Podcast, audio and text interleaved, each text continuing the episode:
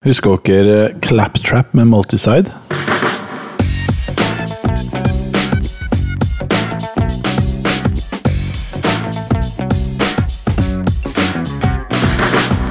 Du hører på Psykologlunsj, populærvitenskapelig lunsjprat med psykologene Tommy, Jonas og Jan Ole.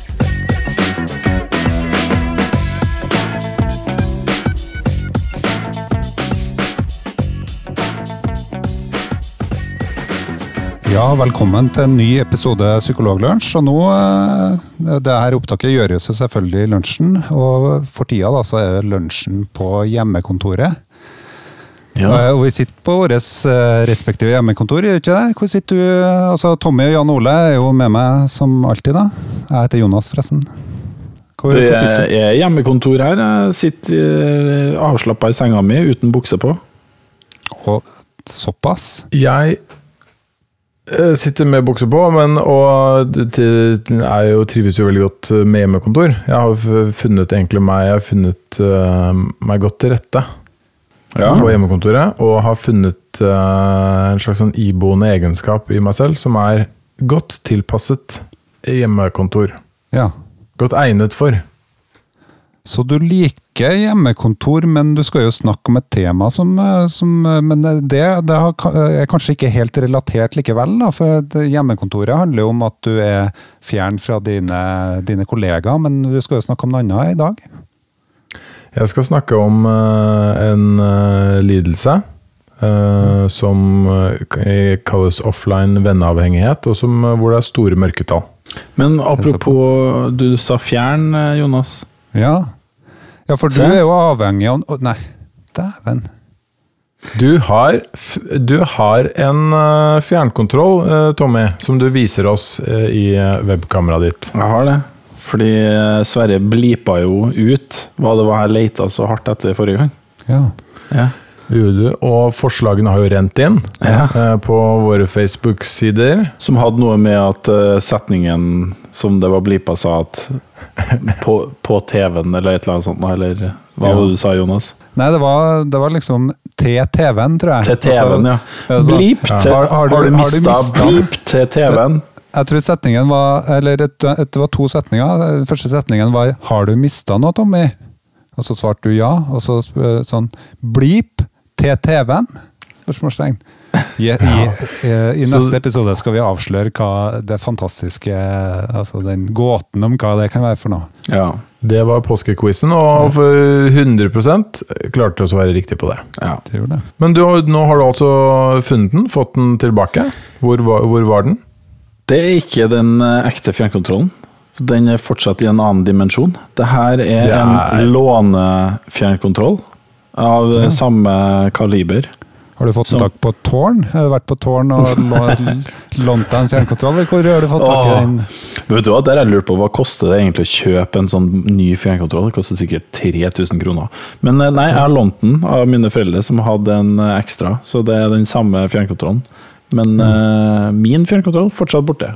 Ikke Jeg har jekka opp senga, gjort alt etter forrige gang. Den er fortsatt borte. Jeg vet ikke hvor den er. Aner ikke. Den er borte. Har du faktisk jekka opp senga? Jeg har faktisk jekka opp senga og sett under senga. Hvordan jekk brukte du? Altså En vanlig jekk, eller en sånn eh, type biljekk? Eh, Nei, sånn eh, hjemmekontor, vet du, da blir det mye trening. Ja. Så, så jeg har ordna meg med sånne ringer i taket nå. ja. Så, og sånn pull-up-bar i døråpningene og sånn. Ja. Så jeg kommer til å være så bøff etter det, eh, det karantenehysteriet her. nå. Så jeg bare tok tak i senga med lillefingeren. Bare løfta den opp. Ingen Og. Og da, når du, når du liksom snakker om sånn, så skulle jeg ønske at jeg kunne ha dratt til deg og så sett eh, at, du faktisk, at det faktisk er tilfellet, da, Tommy. Ja, det trenger du ikke. da. Nei. Vi kan utfordre Tommy til å ta et bilde av at han løfter opp den eh, senga, og samtidig ser under den. Samtidig som han løfter den opp. Med lillefingeren. Yes. Ja, Det skal vi ordne. fint. Men det, vi har jo dessverre ikke mulighet eh, til det, eller i hvert fall eh, det er litt sånn innskrenka mulighet for det, da. Å etterprøve sånne ting. Og det, og det, I den eh, perioden vi er i nå. Men, eh, Ja. og, og det er jo litt sånn re relatert til det, til det her fenomenet offline eh, venneavhengighet, da, Jan Ole, ikke det? Eller hva, hva går det ut på? Jo, jeg kan jo kanskje begynne med å si at jeg eh, tok en test som eh, kalles The OFAC, eller The Offline Friend Addiction Questionnaire. Ok. O-fag? OFAC. Der eh, dukker det opp spørsmål som lyder som følger. Eh, bruker du eh, tid med vennene dine for å unngå å fokusere på personlige problemer? Tenker du på vennene dine selv når du ikke er sammen med dem? Så det er de samme spørsmålene du spør alkoholikere, egentlig? Har du, har du noen ganger gått så langt som å ignorere din egen familie for å tilbringe tid med vennene dine? Å, fantastisk. Hvis du svarer ja på disse spørsmålene, så kan det være at du, akkurat som jeg, lider av offline venneavhengighet. Og dette begrepet dette er introdusert da i en eh, ny artikkel, eller en såkalt preprint, som er eh, Preprint er eh, publiseringer av vitenskapelige artikler før de har gått gjennom en sånn vurdering blant eh, fagfeller eller eksperter på området. Ja. Eh, Så det, dette er en artikkel som antageligvis dukker opp i et tidsskrift litt senere. Da. Men eh, dette er eh, noen forskere som da har laget et eh, spørreskjema på samme måte som man lager andre typer spørreskjema. Ja. Eh, om, det, om problemstillinger om avhengighet. Mm. Det, De det, har det, det, ut- det, ja. det mangler bare ett spørsmål, og det tror jeg handler om bruker du altfor mye tid på anskaffelse? Ja. Så, det, så, så det er egentlig Og, og du etter Ja. å ha vært med. Det er med. Det er med. De har, Er- det, er det med dette skjemaet består av 37 spørsmål. Oi, såpass! Så det dekker alt det du lurer på der, det dekkes eh, av dette. Så, så det med at du bruker altfor mye tid på å få deg nye venner, det, det, det Har du noen gang det, nå, nå, må eh, dere, nå må dere bremse litt, for vi skal, jo- nå skal vi ta Ja, ja, ting litt okay. sånn stegvis her. Ok. Poe- Poenget med denne, med denne artikkelen var jo nettopp det å gjøre litt narr av annen, andre typer spørreskjemaer. Oh, ja. Ja, kult. Det er Eh, sånn som vi er inne på her. Og det de gjorde, det, det de eh, tok utgangspunkt i, var eh, å lage et spørreskjema sånn som man har laget eh, spørreskjema som handler om avhengighet av sosiale medier. ja. Mm. Og de spørreskjemaene, det er sånn som dere var inne på her, de har tatt utgangspunkt i andre spørreskjema som eh, handler om ah, andre typer avhengighet, sånn som f.eks. alkohol og, og altså rusmiddelbruk. Og der er, det jo der er kjernespørsmålene sånn Hvor mye tid bruker du på å skaffe deg eh, det du er eh, ute etter, eller det du er eh, presumptivt avhengig av, da? Og eh, hvor mye tenker du på det når du ikke eh, driver med det? Og eh, hvor, hvor eh, ubehagelig ville det vært å gå uten det over lang tid? Så alle disse tingene er jo sentrale deler av eh, det man tenker på som avhengighet. Men disse forskerne har gått ordentlig til verks. Og de har, de har bare, for å understreke poenget sitt, så har de da tatt spørsmål fra andre kjente eh, spørreskjema, som f.eks. The Bergen eh, Facebook Addiction Scale, Ja, som ja. er laget ved Universitetet i Bergen. Eh, og så har de eh, De har laget Altså de har laget spørsmål som handler da bare om venner eh, i levende livet. Og så har de testet dette skjemaet på 807 mennesker. Eh, de har eh, i tillegg gitt disse andre menneskene andre typer skjema. Som f.eks. personlighetstester og tester for eh, eh, eh, om man er risikosøkende, f.eks. Og så har de da validert skjema, så de har gjort alt sånn som de skal etter boka. De har også gitt disse be- 807 eh, deltakerne har fått spørsmålssettet på nytt etter noen uker, sånn at de kan sjekke om det er såkalt eh, reliabelt. Så de har gjort absolutt alt etter boka. En stor studie, egentlig. Et stort stykke arbeid for å understreke dette poenget de ønsker å komme fram til. Da. Eh, som vi, vi kan diskutere litt etterpå. Men det de fant også, var jo at For det første så fant de at eh, 69% av de som svarte, led av såkalt venneavhengighet. Eh, og, og, eh, og at de scorene på venneavhengighetsmålene de eh, hang sammen med andre ting, da, som f.eks. litt eh, hang sammen med nevrotisisme, altså litt sånn engstelighet. Og også hang sammen med risikosøkende atferd. Veldig, veldig svake sammenhenger, men det var noen sammenhenger der.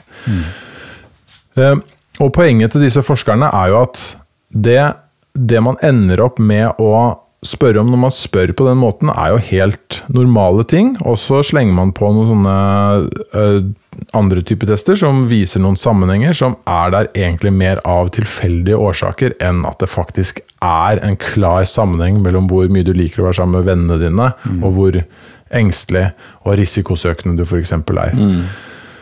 Um, så det er litt eh, Deres poeng var jo å helle litt kaldt vann i blodet på alle som er hysteriske overfor bruken av sosiale medier. Mm. og at det, det er jo det å være sosial, det å søke etter å kommunisere med andre mennesker, det er egentlig en sånn, et grunnleggende menneskelig behov. Ja. Og kanskje spesielt i disse dager, så får vi jo se, får vi kanskje litt mer nyansert bilde på eh, sosiale medier. Og bruken av teknologiske virkemidler for å møte andre mennesker. Hva tenker dere? Jo, øh, det tror jeg altså, det, Absolutt sånn øh, Det merker man jo sjøl, at den jeg, jeg, jeg hadde en Facebook-oppdatering sjøl etter en, ei uke i isolasjon. da hvor jeg skrev, at, øh, skrev til alle sammen, øh, alle vennene mine, om at øh, nå har jeg vært en Altså, nå har jeg Eh, altså, det var et eller annet med at jeg var fornøyd med at nå hadde eh, skjermbruken min gått opp med 70% eller hva det var. Eh, for du, får jo sånn oppdatering eh, av Apple. Eh, og da og det, Altså i, Alt avhenger jo litt av, eh, litt av kontekst, selvfølgelig, og hva som er, hva som er akseptert. Og, og det jeg er jo en ivrig bruker av alle sosiale medier, uansett eh, om hvorvidt det, er, hvorvidt det er isolasjon eller ikke. Så jeg har brukt det som, en, som et sosialt verktøy, og trives jo veldig godt med det. da. Så jeg er jo, selvføl- jeg er jo selvfølgelig Jeg lider jo i hvert fall eh, av offline venneavhengighet. Eh, Nei, gjør jeg det? Hvordan er det Nei, jeg lider av Facebook addiction, gjør jeg. Så be, Ja, du ville, du ville ha skåret han antakeligvis høyt på Bergen Facebook Addiction Scale. Det vil jeg. Eh, Men det, jo- det som er interessant med Bergen altså Facebook Addiction Scale, er jo at den er altså, Det er jo flere sånne mål på addiction, som egentlig hvor du bare bytter ut ordet, altså de ulike ordene med ulike ting. da. Sånn som eksempel eh, kan du også bytte ut med spilleavhengighet. eh, Er også, en, eh, er også en veldig lik en, egentlig. Ja, og det er litt poenget til disse forskerne, at det er ikke irrelevant hva du bytter det ut med. Nei. Ikke sant? Så du, det, dette, er, dette er formuleringer og, og begrepsbruk som er hentet fra noe som på en måte man i mye større grad kan se skadevirkningene av og problemene ved, og så flytter man det over i en sånn eh, i en normal eh, inn i normalatferd. Eh, og da, da blir resultatene rare. Da kan du plutselig ende opp med at det å like å være sammen med vennene dine er, eh, er, har blitt en avhengighet. Så det, det, er noe med, det er noe med grunnfrekvensen her, og du liksom vite hva, hva er egentlig Hva er innenfor det normale allerede, og hva er utenfor det normale. Hvis du spør om det som er utenfor det normale, så er det kanskje bedre egnet for å identifisere den, den eh, problematiske eh, atferden her. Da. Og det er jo det er kanskje en sånn tendens til, tenker jeg, i mange tilfeller en sykeliggjøring av mye normal atferd. Det, det tenker jeg kanskje er en av ulempene ved at vi snakker eh, er så åpne om alt, mm. eh, alt vi plages av. Jeg, jeg hørte en podkast for ikke så altfor lenge siden som problematiserte samme Det var en psykolog som hadde gjort doktorgrad på eh, på det her med sexavhengighet. Han hadde egentlig det samme argumentet der. At eh, det er problematisk å på en måte skulle eh, finne ut av hvor Altså, eh, hvor er patologien i noe som er normalt? Eh, en en atferd Du sier er patologi. Hæ? Du sier patologi. Da tenker folk automatisk at det handler er sykelig. Ja, eller sånn Altså, når er det Når er det det er noe mer enn det som er normal opptatthet da, av sex? Mm. Eh, Så det den- han, han mente jo at ikke det var Man kunne ikke si det. Han, han var på en måte ikke litt mer sånn rett imot det. Sa at sexavhengighet fins ikke. Nei, og det er jo litt problemet her at de har tatt eh, eh, De måler jo ikke om det er på en måte sykelig eller problematisk. Eh, de tester jo ikke det mot en, på en, måte en, en eh, ordentlig standard. De bare bruker en sånn slags cutoff som de er vant med fra tidligere, som, som handler om at du bruker mye tid på noe, og du, du plages når du ikke er, eh, er sammen med vennene dine. Det, det funker på alkohol, men ikke så bra når du snakker om eh, venner som man er helt avhengig av. Ja, og så er det en annen ting med det som jeg syns er problematisk, og det er det at eh, for, altså, Sånn som alkohol og rusmidler, så kan man bli avhengig av det. Det er ikke noe mye tvil om det. Eh, det som er vanskelig å skille med på alle de her andre tingene, er eh, når er det mer et symptom på noe annet? Ikke sant? Altså, når er det du, du bruker eh, sosiale medier for å unngå noe annet, eller for å stimulere deg fra en depresjon, eller, eller hva det nå er, ikke sant? Så det, man må kanskje oftere se på de tingene som et symptom på noe annet, i stedet for som et, eh, som et problem i seg sjøl, som det ofte kan være med det, det kan jo være også relevant å ta høyde for også med alkoholisme og rusmisbruk. Det kan være symptom på noe annet. Men i seg sjøl så er jo de tingene potensielt avhengighetsskapende.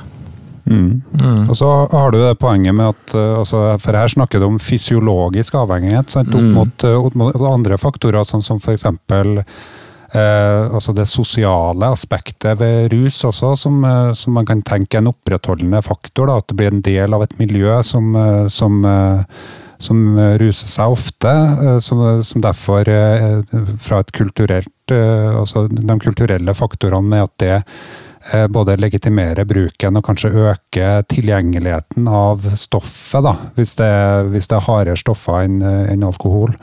Eh, Men det, det du ser på, på eh, hvis man skal begynne å se på spillavhengighet eller gaming, da, altså avhengighet av, eh, av dataspill, eh, så vil jo det, altså det sosiale aspektet, de opprettholdende faktorene der, er jo kanskje positive sosiale faktorer i, hos, eh, hos dem som driver med gaming, men det, men det trekker jo deg mot spilling likevel.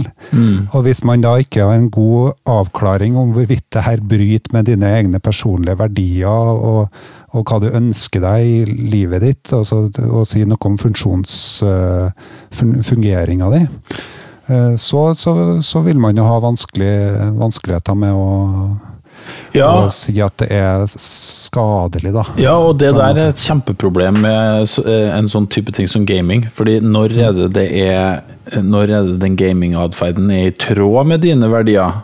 Og, og er noe du utvikler deg på? Når er det det er f.eks. unngåelse? Ikke sant? Eh, så, så man kan ikke bare ta en person du ser game veldig mye, og så si at du er, du er spilleavhengig fordi du bruker mer enn fire timer per dag på spilling, liksom. Ja, og det, det tenker jeg altså det, er, det er viktig å bare få understreket eh, at eh, poenget her er ikke å si at det ikke finnes mennesker som bruker sosiale medier for mye, eller at det er mennesker som er, er avhengig av Nei. å spille dataspill, eller det, kan til og, det finnes også mennesker som er for avhengig av å være sammen med andre mennesker. Det er jo helt åpenbart. Poenget med disse forskerne er jo bare at de mener at selv om man gjør absolutt alt etter boka når man skal lage et sånt spørreundersøkelse og sånn diagnostisk verktøy, egentlig, for å, for å si noe om noen lider av dette eller ikke. Så Selv om man gjør alt etter boka, gjør alt riktig, så kan man ende opp med helt, helt absurde svar som man ikke helt skjønner at man har plumpet oppi. Eh, For, fordi man ikke tar hensyn til, eh, til hva som er eh, normalatf- normalatferd, da, og eh, ikke baker det inn i den vurderingen. Det, det, det har vært en en litt sånn stor diskusjon om dere knytta til arbeidsnarkomani. Altså eh, hvor man da hvor man da altså, i utgangspunktet så på det at du, du brukte altfor mye tid på arbeid generelt. Eh, og så har man i, i senere årene begynt å, begynt å kritisere det. da, At, eh, at man må dele opp i dem som, dem som er engasjert og finner glede i arbeidet, og det er jobb ekstra. Eh, Opp mot dem som har tydelige konsekvenser da, av, å- av, å- ikke klare å legge fra seg arbeidet sitt. Altså, eh, som på en måte ønsker å skyve denne atferden fra seg, men som ikke klarer det. Eh, Så, den, eh, så, så her også er det eh, altså Ved å lage sånne type kategorier av, av avhengighet, så, så, så vil jo ut, altså, folk utafra som, eh, som vurderer om hvorvidt man er avhengig eller, eller ikke, vil jo se verden ut fra sin kontekst. Og Da er det enkelt for en mor eh, å se sin sønn da, på 17 år eh, ut ifra ens egen interesse for spilling. Og da, da vil kanskje det å se at en sønn spiller altfor mye, eller det som oppleves som altfor mye data, eh, vil eh, gjøre meg mistenksom på om er dette her bra eller ikke. sant? Eh, og da, da er det jo viktig å ta en samtale da, med, med vedkommende om eh, altså, ja, eh, lage, gjør dette her altfor mye Lager det dårlige konsekvenser for deg? Ja. Absolutt. Og det, det er mange, mange går jo i den fellen, ikke sant? at de bruker egne standarder for hva som er normalt i deres liv, eh, på, på andre. Og sånn er jo eh, spørreskjemaene litt formulert også, sant? Eh, På den måten at det, det er kanskje ikke eh, fordi at hvis de da bruker rusmidler som, som standard, så, så spør de jo gjerne ikke om hvorvidt rusmiddelet gir deg en lykkefølelse, en glede. Altså de, de, de spørsmålene som, som på mange måter skal bringe deg mot den atferden, sant? Mens, mens hvis, hvis man da har et spørreskjema som er utvikla for spilling eller gaming, eh, så ville det kanskje vært naturlig for, å spurt om eh, gir spillinga deg noe ekstra i livet som gir deg overskudd på andre områder. områder? Det kunne ha vært et naturlig spørsmål på akkurat gaming, da. Nå, nå skjønner ikke jeg hvorfor vi havna inn på gaming, for vi er jo helt uinteressert er i spilling. Det veldig rart, for Tommy og Jonas spiller jo ikke i det hele tatt, så, altså, det skjønner jeg ingenting av. Men, men det jeg syns var genialt i studien, her, er at de faktisk uh, gjør validering sånn som det skal gjøres. Ja. Altså, altså de, de både uh, kjører det som kalles for construct validity, at de, at de på en måte tar med andre altså Først så vurderer de eh, spørreskjema om hvorvidt det måler det skal, det skal måle, og så tar de også inn andre spørreskjema for å sikkert eh, måle sitt eh, sitt eget eh, fenomen, da, eller construct, opp mot andre, for å se at det her skiller seg fra andre. Og Da kan du på en måte si at det her måler noe unikt. da. Mm.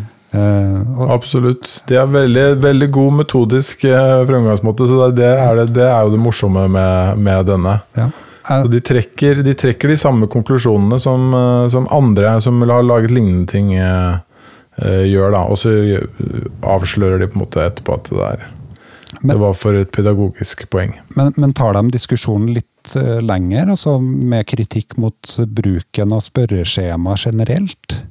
Altså sånn uh, Ja. Ja, det, det gjør de uten at jeg skal gjengi alt sammen her uh, nå. Ja, for, for vi har vært Vi har jo tatt opp de eh, tidligere klassiske studiene. Altså som, eh, som på mange måter uh, altså De fleste av dem er jo gjort uh, som eksperiment.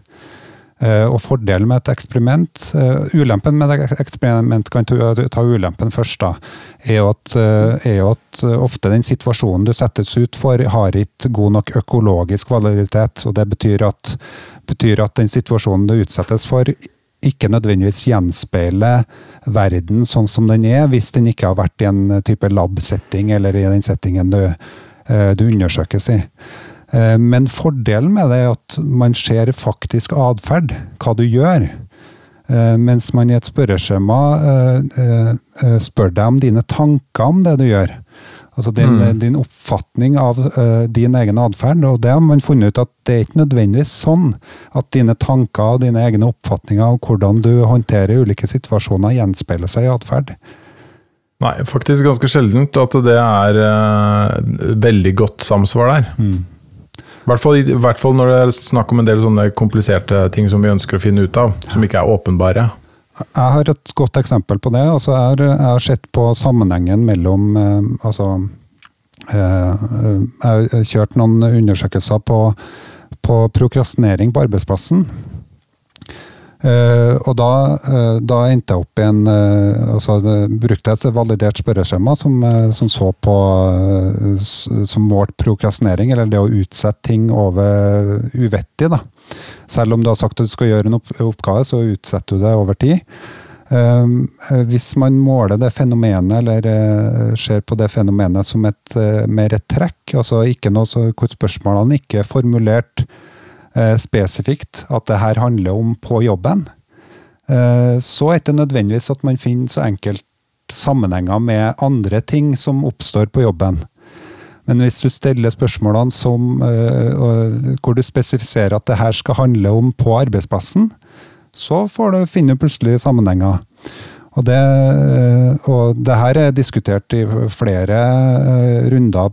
Det er flere teoretikere som har tatt for seg det. At du må, for å få finne sammenhenger, så må du spesifisere eh, mer atferd knytta til den konteksten atferden er i. Og det kan man også kritisere, da, med å, med, med å tenke at uh, altså hvis, du må, hvis du må formulere spørsmålet på en sånn måte at den som svarer på spørreskjemaet, skjønner hvilke sammenhenger du kanskje er ute etter, eh, så kan det jo hende at eh, det er litt vanskelig, og det det, det er kanskje ikke noen sammenhenger der i utgangspunktet. Dette, altså, nå, det, er, er et kjempeinteressant tema, tenker jeg. Og det er jo, bare for alle som hører på, bør jo skjønne at når det er snakk om spørreskjema, altså når du møter et sånt spørreskjema, eller hører om resultater som innebærer sånne spørreskjemaer, så er det utrolig viktig å vite eh, hvordan ble, hvordan ble spørsmålene stilt, eh, hvordan er de formulert, hvem var det som svarte på de, når var det man svarte på det, i hvilken setting utrolig mange ting som påvirker eh, resultatene som kommer ut eh, i andre enden. Mm. Det er selvfølgelig ikke noe som alle kan vite, men det påvirker i aller høyeste grad resultatene som kommer ut av de spørreundersøkelsene. Mm. En annen interessant ting er jo diskusjonen om hvorvidt ting er et trekk ved det som er mer stabilt over tid, eller om det er noe som er i det øyeblikket du svarer på spørreskjemaet, i, eller i en spesifikk kontekst. Da.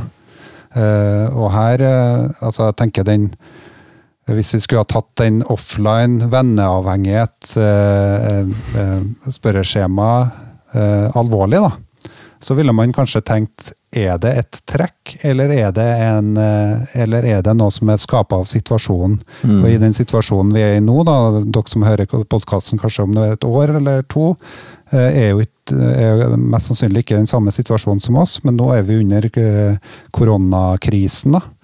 Eh, hvor, hvor flesteparten av oss har vært eh, uten så veldig mye venn, vennskapelig kontakt eh, over en eh, lang periode.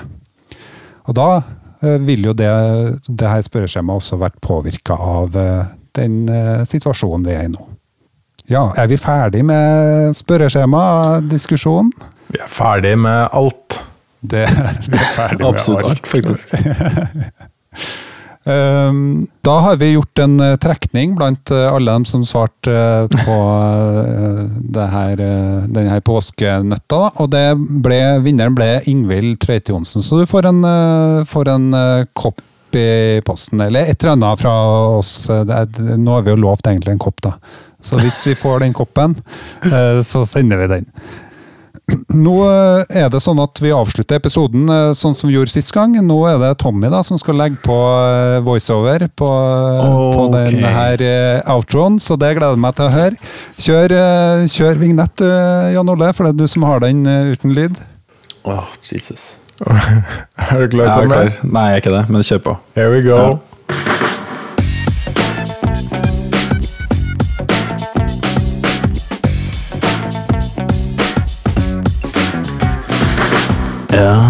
Så du hadde lyst på litt mer psykologlunsj, du? Hæ? Da foreslår jeg at du tør å søke opp en Jonas Våg på Facebook, for han er på Facebook hele tida. Og så sender du ham en melding. Sender ham en melding på Messenger og sier 'Jonas, kan jeg få høre litt mer om Psykologlunsj?' Jeg hørte ikke en skit av hva du sa, jeg. Ok, det ble veldig bra. Så jeg gleder meg til å høre episoden nå. Oh, Jesus.